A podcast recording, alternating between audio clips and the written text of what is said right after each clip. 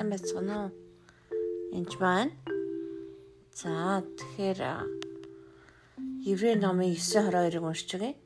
Хуулийн дагуу баг бүх юм цусаар цэвэршүүлэгддэг.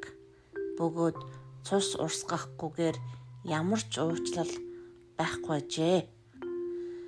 Тэгэхээр хуулийн дагуу угаасаа бүх юм яадаг байна. Цусаар цэвэршүүлэгддэг ба. Хуучин гэрээнд дандаа цусаар тахил өргөдөг байсан, цусаар цэвэрлүүлэгддэг байсан.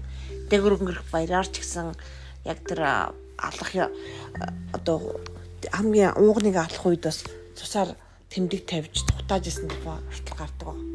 Тэгэхээр энд юу гэж хэлсэн бэ гэхээр цус урсгахгүйгээр ямар ч уучлал байхгүй жээ гэж.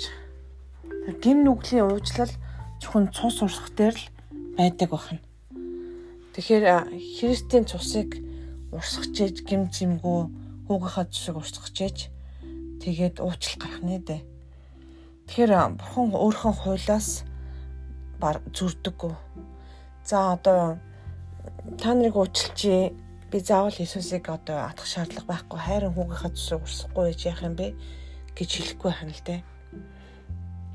Есүс хэлэхдээ Иохан 6-гийн 53-аас 54 дээр Есүс тэдэнд үнээр үнээр би танарт хэлье. Тэгэхээр та нар хүний хүүгийн махыг идэхгүй цусыг нь уухгүй бол та нарын дотор ам байхгүй. Миний махыг идэж цусыг уусан хүн мөнх амьтаа бөгөөд би түүнийг эцсийн өдөрт амьдлуулнаа гэж. Тэгэхээр хурганы цусны талаар болон шинэ гэрээ хуучин гэрээ дээр гардаг цусны талаар хүмүүс багтаа мэддгүү мэдсэн ч зүгээр л одоо хурганы цусыг цацаж байна гэж залбирна. Тэр залбирал үнэхээр хүчтэй залбир шүү тийм.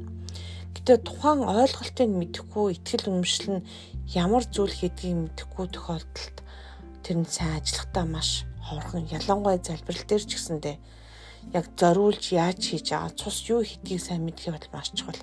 Тийм болохоор та бүхэнд би цусны талаар уншаасаа гэж хүсэж байна.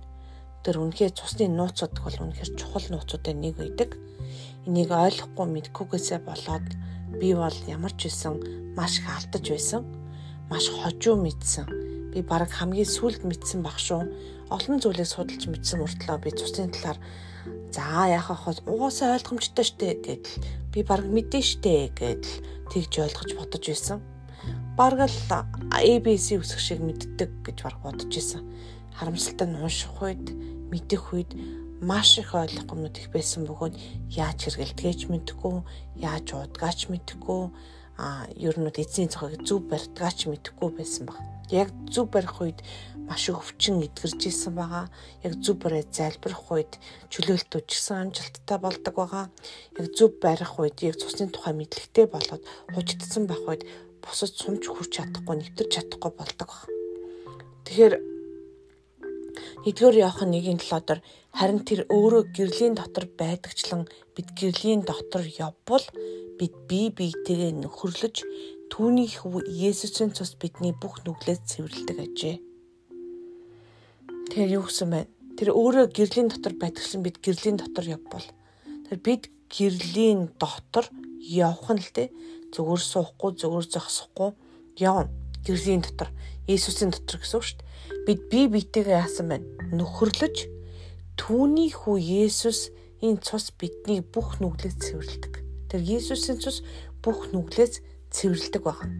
Тэр ихэнх хүмүүс нүгэлдээ баригдсан байдаг. Шинэ нүглээс цэвэрлэгдсэн гэж тагтлагоонд хүлээн авсан авсан мөртлөө магадгүй ойлголт авсан мөртлөө бүх эд эсэнд нь шингээгүй Христийн цус миний эд эс болгоныг угаад цэвэрсэн гэдгийг ойлгоогүйсээ болоод нөгөө хуучин гим нүглээ хийсээр нөгөө хуучин ойлголтын дотроо байсаар битг. Нөгөө хуучин ойлголтын дотроо шүү.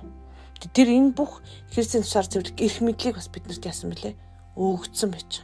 Христээр бид гим зэмгүү гэдгээ ойлгох явдал түүний тусаар цэвэрлэгддэг гэдгээ ойлгох явдал чухал. Тэг бүх нүглээс цэвэрлдэг гэж цус цус өөрөө биднийг цэвэрлэнэ цус ингээд сайн унших юм бол цус хашгирдаг, цус ярддаг энэ төр гэж хуучин өдрөөр гардаг л да. Цус нь амьтай гэдгийг ойлгох хэвэл чухал. Цус нь аим байхгүй.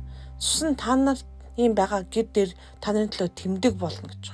Цус нь бас тэмдэг байна.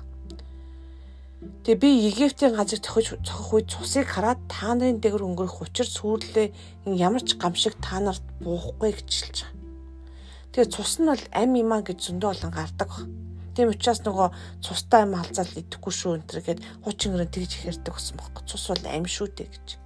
Тэр цус бол ам байгаа амтай зүйл байна. Тэр цус өөрөө ярьдаг газраас бэлэн ярьлаа гэж ярьдаг чиний цус хашгирч байна гэдэг.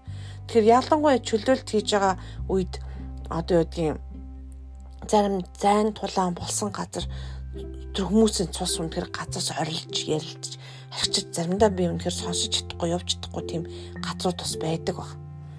Ялангуяа солонгос тийм газар их байдаг. Эсвэл тухайн газар хүн өсөж өгсөн ч юм уу дайм болж халуулсан газар. Тийм учраас гадна нутгийг цэвэрлэж залбирах явдал маш чухал. Тэгэхээр үнэхээр эзний цустай холбоотой маш олон одоо цусаар зөндөө олон юм хийдэг гэдгийг цус зөнд өөрөө амьд гэдгийг ойлгох бол маш чухал. Тэгэхээр үнэхээр эзэн та бинийг цусаараа цэвэрлсэн гэдгийг сайн ойлгохороо бурхан дотор ямар их хаарлагдсан, чөлөөлөгдсөн, бурхан та Христийн цусны үн цэнтэй гэдгээ сайн ойлгохороо тэр цусны үн цэнийг ойлгож та өөрийнхөө үн цэнийг мэдэх болно. Та өөрийгөө бурхны нүдээр харж хайрлах болно. Тэр Есүсийн цусыг бити үнгүүдүүлээрэй гэж та бүхэнд хэлмээр байна.